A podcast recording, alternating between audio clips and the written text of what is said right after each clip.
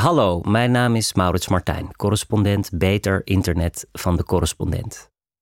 Je gaat zo meteen luisteren naar mijn analyse van de verkiezingsprogramma's van de politieke partijen.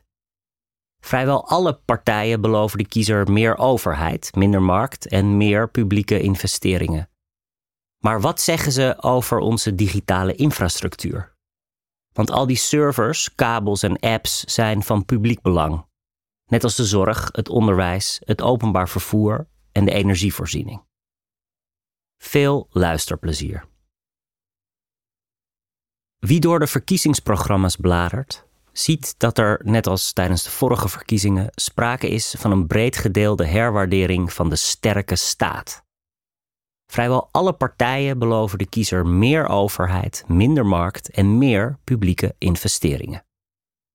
Wat voorheen vooral een links stokpaard was, wordt nu door bijna het gehele politieke spectrum bereden. In de woorden van Pieter Omtzigt tijdens de algemene beschouwingen: We hebben de afgelopen jaren de basisvoorzieningen te veel overgelaten aan de ongetemde krachten van de neoliberale markt.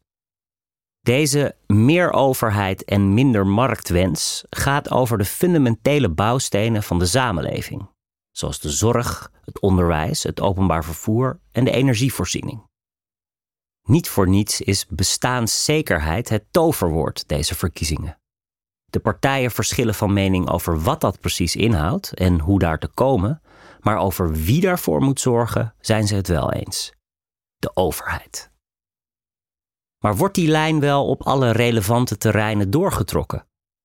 De COVID-tijd met het thuiswerken en het thuisonderwijs, de QR-codes en corona-apps liet kraakhelder zien hoe afhankelijk de samenleving is van digitale technologie. Er is een nieuwe infrastructuur ontstaan waar de samenleving niet zonder kan. Net als de riolering, het elektriciteitsnet en de watervoorziening, schreef ik toen. Die nieuwe infrastructuur is gelaagd. Ze bestaat uit kabels en servers, appstores en betaalsystemen, apps, clouds, software en besturingsprogramma's. Ik noem het digitale infrastructuur omdat het gaat over de noodzakelijke voorzieningen om online te kunnen functioneren en daarmee over de voorwaarden om überhaupt te kunnen functioneren. Want ga maar na. Zo ongeveer elke denkbare sector, overheden, scholen, ziekenhuizen, openbaar vervoer, banken, winkels, is tegenwoordig in meer of mindere mate gedigitaliseerd. En dat wordt de komende jaren alleen maar meer. Op zichzelf hoeft dat geen problematische ontwikkeling te zijn. Problematisch is dat die digitale infrastructuur, van de fysieke kabels tot de apps, bijna volledig geprivatiseerd is en wordt gerund met commercieel oogmerk. Een paar voorbeelden. De Nederlandse overheid functioneert niet zonder Microsoft-producten. 70% van de basisscholen in Nederland maakt gebruik van Google-software. Overheids-, onderwijs- en zorginstellingen draaien op de cloud. En wie bestiert die infrastructuur? Amazon, Microsoft en Google bezitten samen zo'n 65% van de wereldwijde cloudmarkt. Er bestaan bijna geen noemenswaardige publieke alternatieven binnen onze huidige digitale infrastructuur. Dat betekent dat we als maatschappij afhankelijk zijn van de producten en diensten van private partijen. Veelal buitenlands, veelal Amerikaans, maar vooral partijen die eigen belang nastreven in plaats van het algemeen belang. Onze digitale infrastructuur verdient dezelfde politieke analyse en aandacht als de zorg, het onderwijs, het openbaar vervoer en de energievoorziening. Ons bestaan is meer en meer een digitaal bestaan. En een politieke partij die bestaanszekerheid nastreeft, adresseert dan ook nadrukkelijk de vraag: hoe zorgen we voor een publieke digitale infrastructuur die publieke belangen waarborgt? Wat zeggen de verkiezingsprogramma's hierover? Voor bijna alle partijen speelt digitaal een prominente rol in de programma's. Van links tot rechts zijn onderwerpen als online veiligheid, privacy en nepnieuws belangrijke thema's, met verschillende accenten uiteraard. Sommige partijen benadrukken de kansen van het digitale voor de economie. Andere beklemtonen de keerzijde ervan. Een substantieel deel van de partijen deelt de analyse dat de privatisering in de digitale ruimte negatieve gevolgen heeft en dat daar tegenwicht aan moet worden geboden. Van SP tot BBB en van Bijeen tot D66. Drie van die partijen zetten nadrukkelijk stappen richting een alternatieve publieke digitale infrastructuur die publieke belangen waarborgt. Twee van die drie partijen, namelijk D66 en GroenLinks PvdA, zien daarbij terecht een grote rol weggelegd voor Europa. Want een publiek internet in Nederland is leuk, maar ook een beetje onzinnig.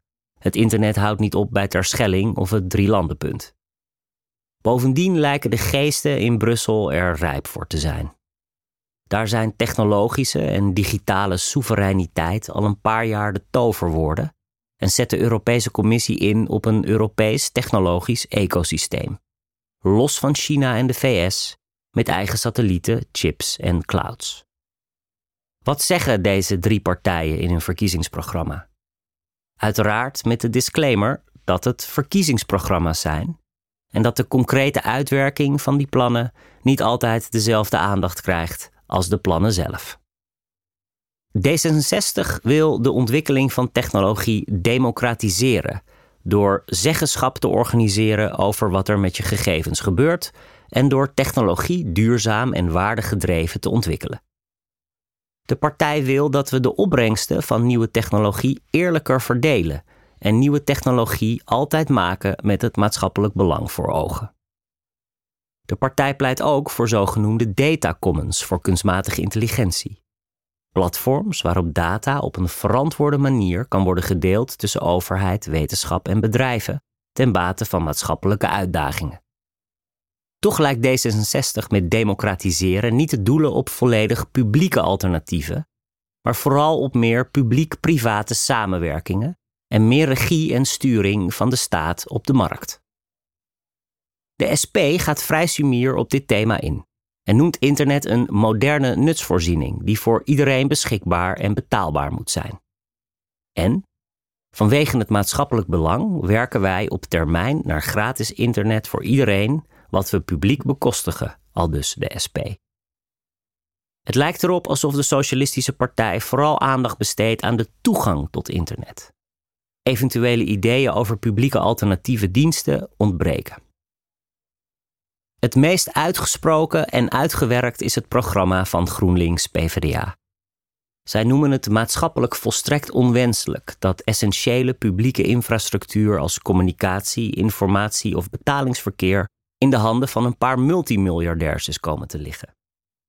De partijen willen daarom dat Nederland, samen met Europese partners, investeert in een Europese digitale infrastructuur, die publiek-civiele alternatieven omvat voor de platforms en diensten van Big Tech. Dit alles op basis van de publieke waarden transparantie, democratie, gelijke behandeling, privacy, menselijke waardigheid, betrouwbaarheid, betaalbaarheid en duurzaamheid. Dat zijn mooie woorden, maar over de uitvoering zijn de partijen minder uitgesproken.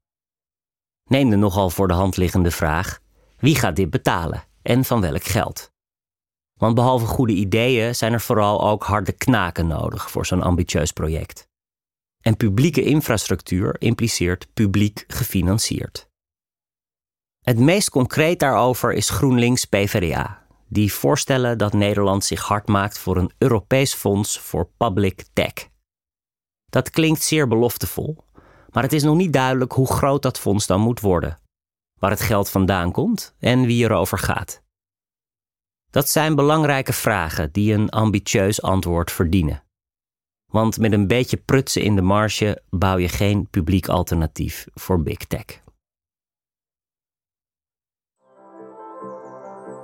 De correspondent bestaat tien jaar. Al tien jaar maken wij journalistiek voorbij de waan van de dag. Journalistiek die niet polariseert, maar perspectief biedt. Die geen ophef najaagt, maar oplossingen zoekt. Wist je dat de correspondent 100% door leden wordt gefinancierd? Dat betekent dat we ons werk alleen kunnen doen als luisteraars zoals jij ons steunen. Word vandaag nog lid. En draag bij aan diepgavende, advertentievrije en onafhankelijke journalistiek. Ga naar decorrespondent.nl en word lid.